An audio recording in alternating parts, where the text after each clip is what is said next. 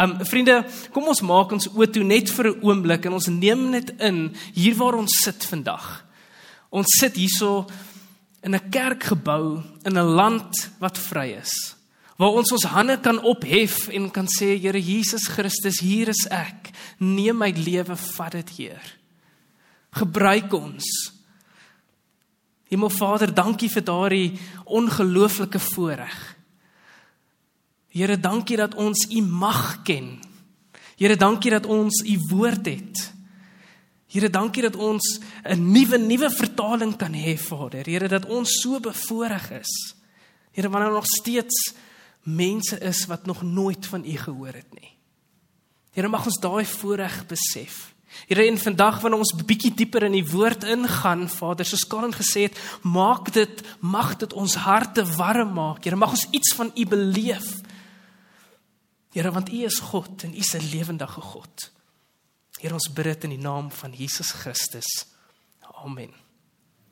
Vriende, ek um, het 'n tema gekies vandag vir my uh, teks wat ek gekies het of eintlik wat my gegee is om te oor te praat. Um en dit gaan oor transformasie. Um en daar word baie gesê oor transformasie in die wêreld en in die kerk. Jy weet oral waar waar ons heen gaan dan praat ons oor transformasie. Jy moet jouself verbeter, hoor ons baie. Jy weet jy moet so 'n bietjie hoër vlieg. Jy moet 'n bietjie beter van 'n mens wees, soos 'n bietjie beter van 'n Christen wees. Ons ons hoor dit so baie en ons sien dit so baie. En daar is oppervlakkige opsies wat ons kan kies vir transformasie. Um dalk iets soos 'n nuwe klerekas. Dis like jou klere is so 'n bietjie oud Colin. Jy moet asseblief net jou bietjie upgrade en dan sal jy ook so 'n bietjie hoër vlieg hierso. Jy weet of ons sê um luister jy moet asseblief net bietjie make-up opsit. Ek kan nie jou gesig verdra nie. Of eintlik gaan ons miskien 'n bietjie verder en sê jy het eintlik plastic surgery nodig want jy jy het regtig hulp nodig. Of ons sê miskien vir iemand weet jy moet op 'n dieetplan gaan of weet trek na 'n nuwe plek toe. Jy weet of of kom ons gaan maak nuwe vriende. Gaan en verbeter jou selfbeeld. Jy weet hierdie is alles oppervlakkige opsies wat ons kan gebruik om te transformeer. Maar as ons eerlik is met onsself, vriende, dan sal ons agterkom dat hierdie goed is nie werklik in staat om ons te verander nie. Hierdie is amper soos 'n pleister wat ons net opplak. Jy weet ware transformasie, ehm um, wanneer dit gebeur met ons, is nie net iets wat ek vinnig kan doen of vinnig 'n hoekie of net anders te vinnig kan lyk like en en woeps ek is getransformeer nie. Jy weet dit is soos 'n selfoon wat geval het en die screen protector het gekraak en ek sit al hom af en ek sit 'n nuwe een op. Is dieselfde selfoon. Dis nie 'n nuwe een nie. So hy het net vernuwe, maar wat ons vandag oor gaan praat is transformasie transformasie.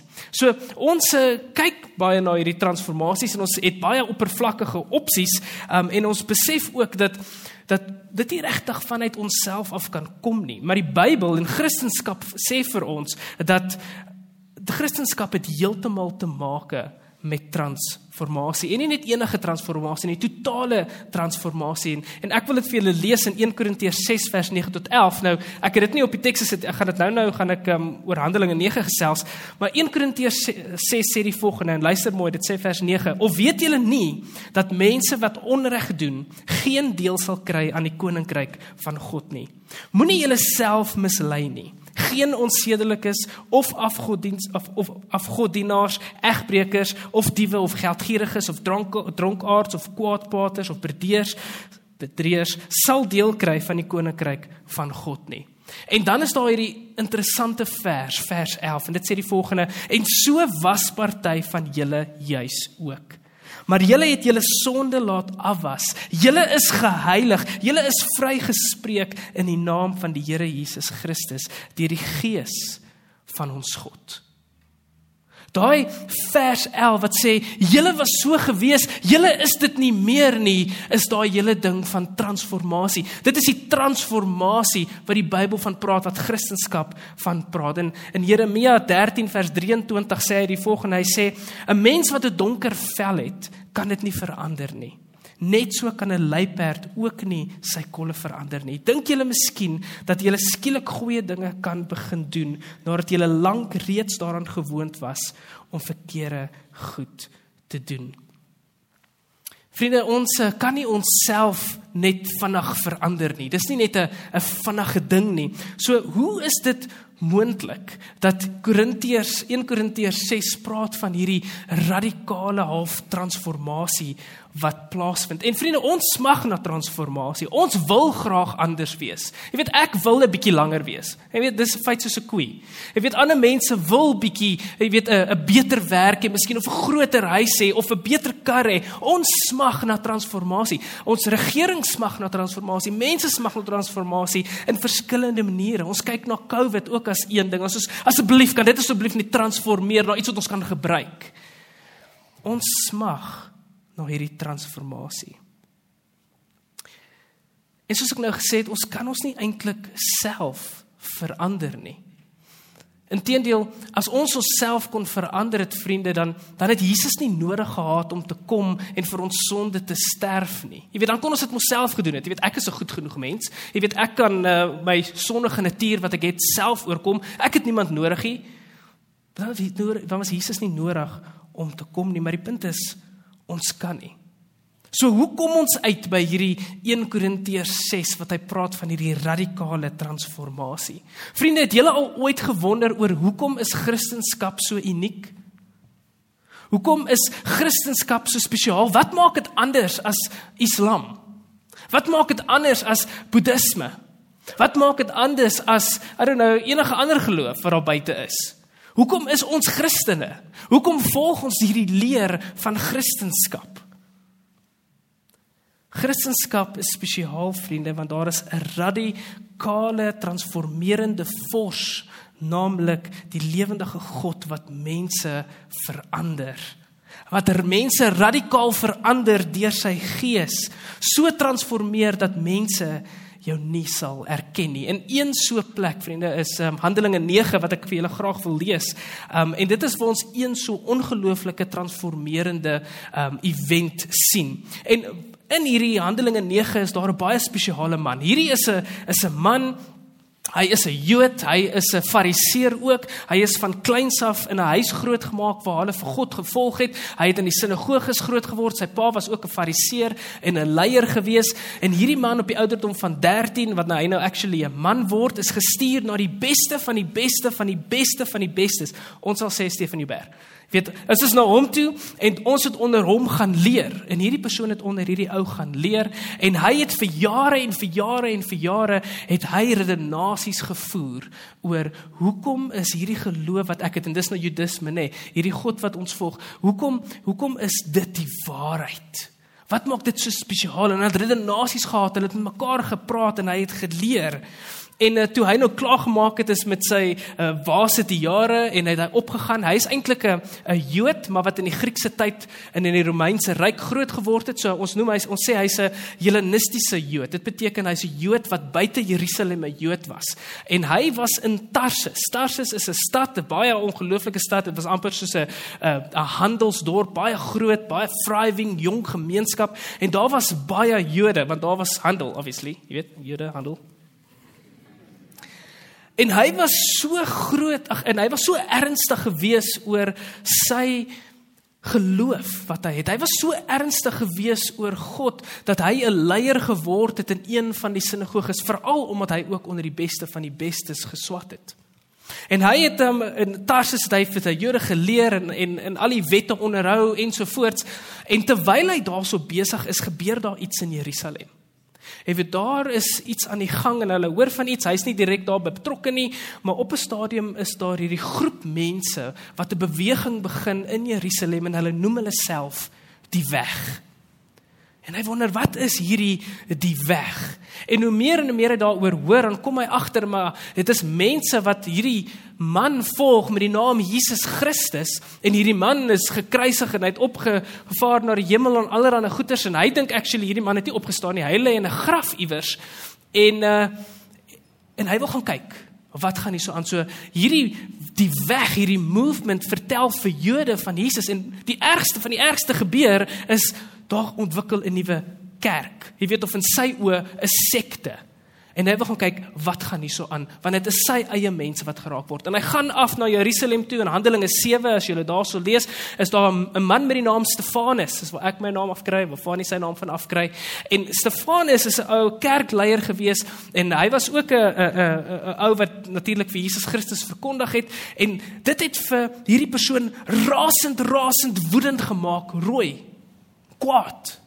Wat doen jy? So kwaad dat hy op 'n stadium 'n klip optel en hy sê vir die ouens wat daar rondom staan: "Hierdie man praat God lasterik, hierdie Stefanus ou nou. Kom ons gooi hom dood." En hulle haal hulle jaste af en hulle sit dit voor sy voete en hulle stenig vir Stefanus. Van daar af gaan die Christene uit Jerusalem uit. Hulle hulle hulle word half uitgedryf deur hierdie man wat eintlik so 'n woede en 'n lelike hart het om hierdie mense net dood te maak en hulle gaan uit. En op 'n stadium sê hy vir homself: "Dis nie genoeg nie." Dis nie genoeg nie. Ek gaan hierdie mense jaag, hulle die grotte gaan uithaal waar hulle is en dan is hierdie persoon op pad om hierdie mense, hierdie hierdie die weg, hierdie Christene te vervolg. En hierdie man, ou vriende, was Paulus. Nou julle het seker al van Paulus gehoor. Dit is 'n eh, Paulus van Tarsus. Hy's dieselfde ou wat 13 van die Nuwe Testamentiese boeke geskryf het. Dieselfde man wat seker die grootste impak in die wêreld gehad het met betrekking tot Christendom na Jesus Christus homself. En in selfs in my eie bekeringsverhaal is daar goed wat Paulus geskryf het wat my maak dink het.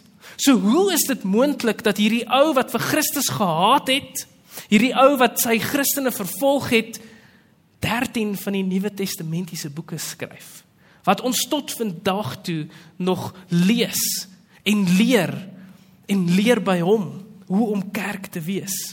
Hierdie transformerende ontmoeting wat hier beskryf word in Handelinge 9 waar ons nou gaan uitkom is so groot, so radikaal dat dit 3 keer in die in die Nuwe Testament aangehaal word. 3 keer.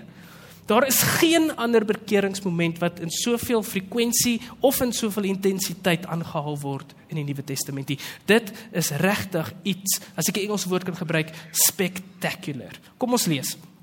Handelinge 9 as jy jou Bybel hierso het, maak asseblief oop as jy die selfoon app het, kan jy dit dan lees, maar dit is ook op die skerm. Ehm um, Handelinge 9. Intussen het Saulus, voor ek verder lees, hierso is Paulus se naam nog Saulus. Hierdie transformasie vriende was so radikaal dat sy naam nie eers dieselfde kon gebly het nie. Die persoon wat hy was voor die tyd en die persoon wat hy word, is nie met mekaar vereenselwig nie. Dis hoekom sy naam verander. So intussen het Saulus soos 'n besetene voortgegaan om die volgelinge van die Here met die dood te dreig. Hy het na die hoëpriesters toe gegaan en van hom bekendstellingsbriewe aan die sinagoges in Damaskus gevra. Sy doel was om al die aanhangers van die leer van die Here wat hy daar kry, mans sowel as vrouens gevangene te neem en na Jerusalem toe te bring. Toe hy op reis naby Damaskus kom, het daar skielik 'n lig uit die hemel op hom gestraal. Hy het op die grond neergeval en 'n stem hoor sê: "Saul, Saul, waarom vervolg jy my?" "Wie is U, Here?" vra hy toe. "Ek is Jesus," antwoord hy. "Dit is my wat jy vervolg." Maar staan op en gaan na die stad toe. Daar sal vir jou gesê word wat jy moet doen. Die mense wat saam met hom op die pad was, het sprakeloos gestaan. Hulle het die stem gehoor, maar niemand gesien nie.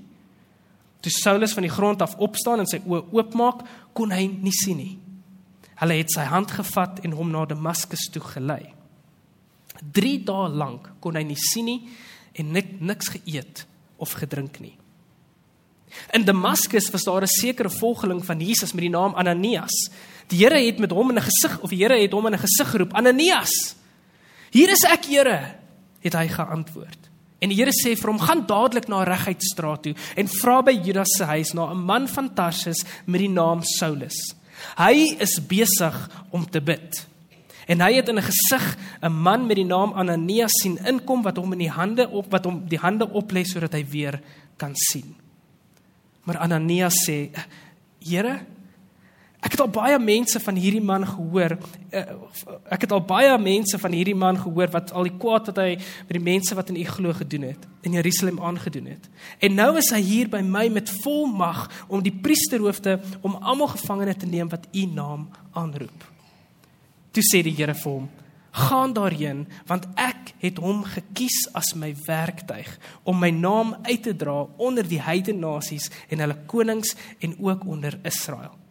Ek sal ek self sal vir hom wys hoeveel hy vir my naam moet ly. Vriende, hierdie is 'n ongelooflike event. 'n Ontmoeting wat Saulus of Paulus soos ons hom meer ken met Jesus Christus gehad het. En daar's vier kernwaarhede wat ek graag vir julle wil uithaal. Dit gaan nie lank bly, dit gaan nie lank aan die gang gaan nie, maar vier goed wat ek graag wil hê julle moet oordink wanneer ons praat oor 'n ware ontmoeting met Jesus Christus, as ons praat oor ware bekering en as ons praat oor ware transformasie met hierdie lewendige vors wat ons Jesus Christus noem, wat ons lewens verander. En die heel eerste ding wat ek raak sien in hierdie teks, vriende, is die goddelike ingryping wat hier gebeur. Daar in in vers 3 sê hy daar het skielik 'n lig uit die hemel op hom gestraal. Vers 4: Hy het op die grond neergeval en 'n stem hoor sê: "Saul, Saul, waarom vervolg jy my?" Hierdie moordenaar, Christenhater, Christenhater, gruwe mens word heeltemal getransformeer en hierdie is 'n keerpunt in sy lewe. Dit is die rede vir transform die rede vir transformasie is omdat hierdie monster bekend gestel word aan die lewendige Jesus Christus maak geen fout nie. Hy het goed geweet wie Jesus is. Hy het geweet wie God is. Onthou hy het, hy het na hierdie mense geluister, nê? Nee, hy het met hulle probeer redeneer. Hy het gehoor hoe Christene vir mense vertel van Jesus. Dit is dan juis wat hom so kwaad gemaak het. Maar eers toe hy 'n ontmoeting het, skud sy wêreld. En in hierdie verhaal kan van in hierdie verhaal kan ons ook 'n parallel trek in ons eie redding. Ons kan miskien baie weet van wie God is. Ons kan miskien baie weet van wie Jesus is. Miskien het het ons 'n baie groot teologiese kennis. Vriende, maar dit teken beteken nie veel as ons nie 'n ware ontmoeting met Jesus Christus het nie. Wat interessant is van hierdie ontmoeting is dat die eerste beweging tot ons redding kom altyd vanaf God. Dit is 'n aksie wat gebeur as gevolg van God se plan, sy vasberadenheid en sy mag. En nie almal van ons het dieselfde uh ontmoeting as wat Paulus gehad het nie. Ek het nie. Ek is seker jy het nie. Ons het nie 'n lig wat uit die hemel uit geskyn het en gesê Stefan, ek wil jou gebruik nie. Maar God het eerste uitgereik na my. Ek word herinner aan Paasfees so 'n paar naweke gelede, nê. Nee, hoe Christus daai beweging gedoen het, daai eerste daai eerste tree half gegee het en die doop wat ons vier is half die teken daarvan, nê. Nee, die teken dat ons ingesluit is by hierdie familie, by hierdie beweging, hierdie dat die God altyd die eerste stap vat. Ons self beskik nie van die mag om ons te transformeer nie. Dit is God wat dit initieer. Dit is net God wat ons deur die evangelie kan verander deur sy persoonlike werk en plan. Die tweede ding wat ek uh, raak sien in hierdie teks vriende is um die ontmoeting wat hy gehad het het gelei na onmiddellike beweging van afhanklikheid en gemeenskap met God. In vers 4 sê hy en Paulus het op die grond neergeval en toe 'n stem oor praat. En dan vers 11 sê hy en die Here sê vir hom gaan dadelik na Regheidstraat toe en vra dis nou vir Ananias en vra by Judas se huis vir 'n man van Tarsus met die naam Saulus. Hoekom en wat doen hy? Hy is besig om te bid. Jy sien die eerste ding wat Paulus doen na sy ontmoeting met die lewendige God is hy val op die grond en doen wat? Hy bid. Jy sien bid is die teken in hierdie verhaal as ware bekering. Dit is die eerste reaksie wat Paulus het of wat Saulus het op hierdie bekering. Vriende, wat gebeur wanneer 'n baba gebore word? Wat is die eerste ding wat 'n baba doen? Hy smag na asem. Die eerste ding wat hy doen is hy smag na asem en dan sê hy ek lewe. Die eerste ding wat ons as Christene doen is om te bid. Dit is ons asemhaling. Gebed is soos 'n geestelike asemhaling. Net soos wat asem op nuwe lewe aandui, so dui gebed ook op 'n nuwe lewe. Dit dui op ware transformasie. John MacArthur skryf en hy sê dat gebed is eintlik die mees natuurlikste ding vir 'n Christen. Niemand leer ons regtig om te bid nie. Nou nou ja, ek weet toe ek klein was het my ma vir my 'n gebedjie gesê, weet, langs my bedjie kniel ek neer. Ek kan nie eers die hele ding onthou nie, maar ek onthou dat daar was so 'n gebedjie gewees en dit was iets wat ons teen 'n muur opgesit het. Maar anders as dit het niemand my leer bid nie. Dit was my verhouding, my ontmoeting wat ek met God gehad het wat outomaties gelei het tot hierdie gesprek wat om wat ek met hom kan hê. John MacArthur sê dat hy dink ons verleer eerder om te bid. Hoe meer ons gemaklik word met God, dan word dit soos 'n toebroodjie. Jesus, dankie dat ons vanoggend kan opstaan. Dan gaan ek met my dag aan, Here, dankie dat U my veilig gehou het. Amen. En ons het hierdie sandwich model van Christendom. Ons sien ook in hierdie verhaal dat gebed is nie net 'n een eenrigting gesprek nie. Jy weet God is besig om met Saulus en met Ananias op twee verskillende plekke te praat, maar oor dieselfde ding te sê. En dit wys vir ons dat God weet wat ons besig is om te dink. Hy weet waar ons is in ons lewens en hy sal ons lei as ons oop is om dit te hoor. Wat is ware gebed dan nou eintlik? Ek dink ons moet pasop om te dink dat gebed net beteken dat ons ons eie bekommernisse voor die voete van die Here kom neersit en dan aandring dat God ons vir ons moet doen wat ons vra. Ek dink Paulus se gebed sou heeltemal anders te gewees het as dit die geval was. Miskien het hy sou hy gebid het dat al hierdie mense uit hulle grotte uitkom, maar dis nie wat hy doen nie. Ons is soms so vasgevang in ons eie wêreld dat ons dink ons ken al die antwoorde en ons moet net vir God herinner oor hoe dinge moet gebeur. En dan word ons geïrriteerd of teleurgestel wanneer dit nie gebeur met ons nie. Soms steur ons onsself nie aan God se besorgdheid en belange vir ander mense nie. Wat met Paulus hier gebeur is, hy val op sy knieë en hy besef dat hierdie God wat hy nou mee te doen het, is nie 'n lucky packet God nie.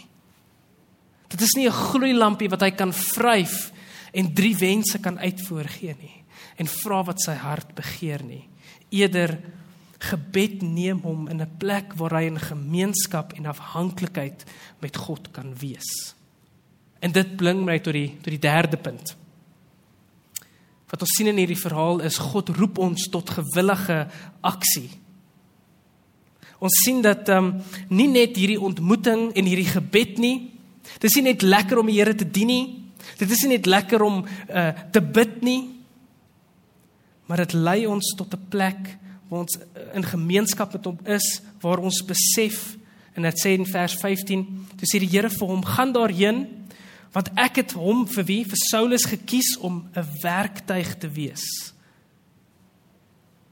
Hy moet my naam gaan uitdra onder die nasies. God sê eintlik vir Saulus: "Jy is 'n instrument in my hand. Jy gaan my naam uitdra en alles waar en, en alles wat waar is van my." Tot en met nou het jy groot invloed gehad op mense. Jy het mense geleer en en mense het na jou opgekyk, maar jy het nie regtig invloed gehad volgens my naam nie of vir my naam nie.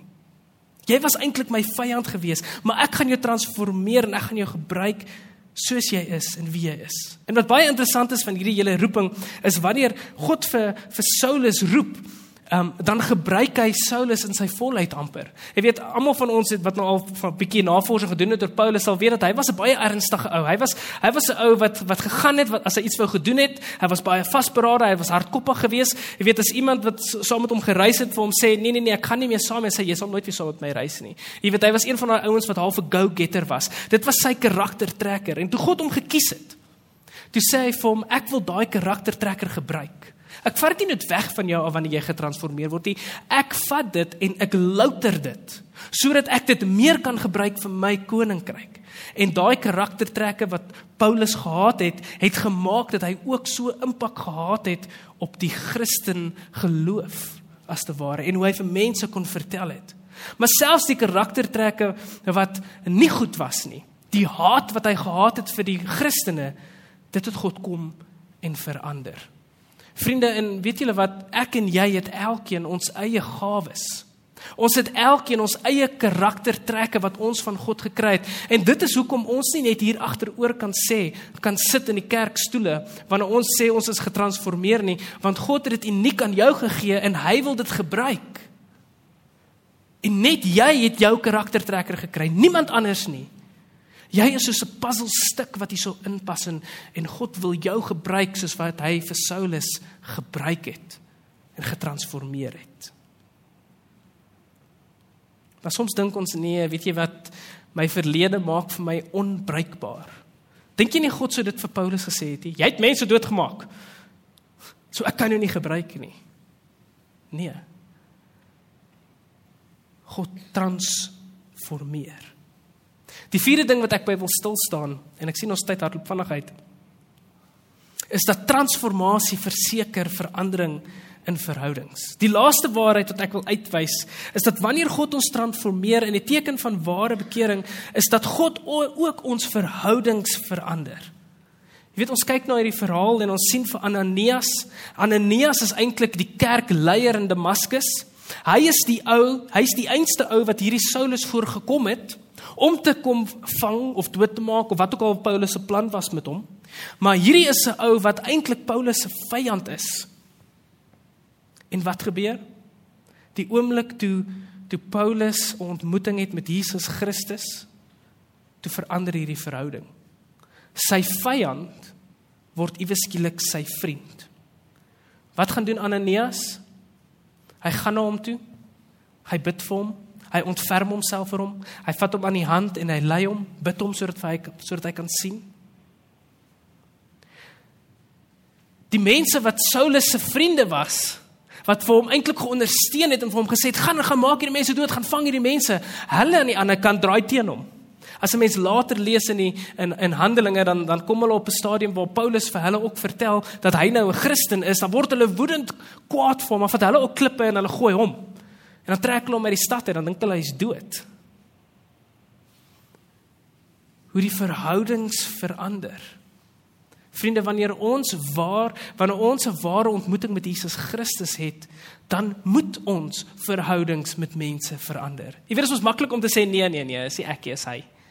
Is nie ek is sy. Wanneer Christus in ons inkom, wanneer hy ons werklik transformeer, dan verander hy daardie verhoudings. En God gee vir ons 'n nuwe familie. Paulus het iewes skielik in 'n nuwe familie ingestap, die kerk.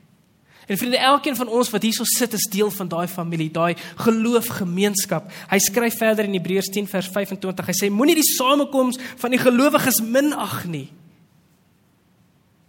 Want hy weet dat ons kry 'n nuwe familie wat mekaar ondersteun, wat vir mekaar bid, wat lief is vir mekaar, wat hier is vir mekaar, wat weet waartoe waartoe jy gaan.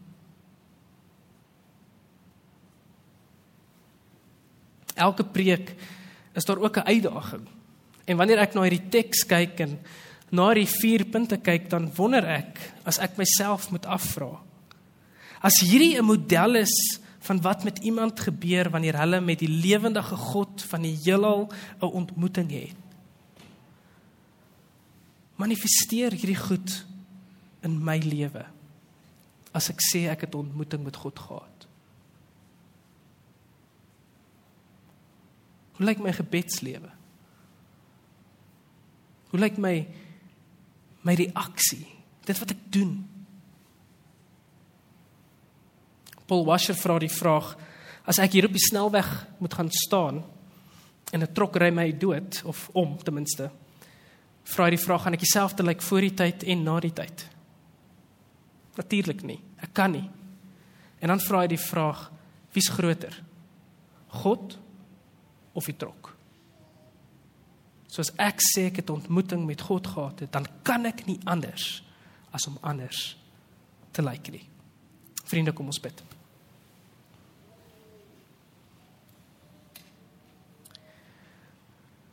Hemel Vader, wanneer ons na hierdie teks kyk en daar's soveel goed wat ons kan sê en wat ons kan raak sien, Here, maar een ding wat so duidelik is, Vader, is hoe U mense kan transformeer. Here, mense kan verander. Nie net 'n pleister op plakkie, nie net mooi aantrek nie. Nie net van jou op 'n kursus stuur wat jy beter lyk like nie. Maar Here, U transformeer ons van die binnekant af. En dit vloei uit na buite toe. En ons straal dit uit en mense kan dit sien. Here, my gebed is dat U ons sal help. Here, help ons om om raak te sien, Vader, waar U besig is om te werk in ons lewens, maar ook in die mense langs aan ons.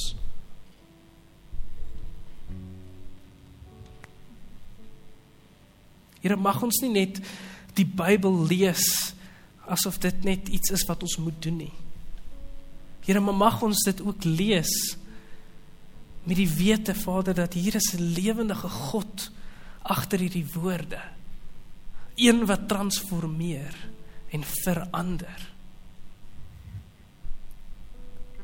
Here kom en verander ons. Here sodat ons U kan eer bo alles. Here ons bid dit in Jesus naam. Amen.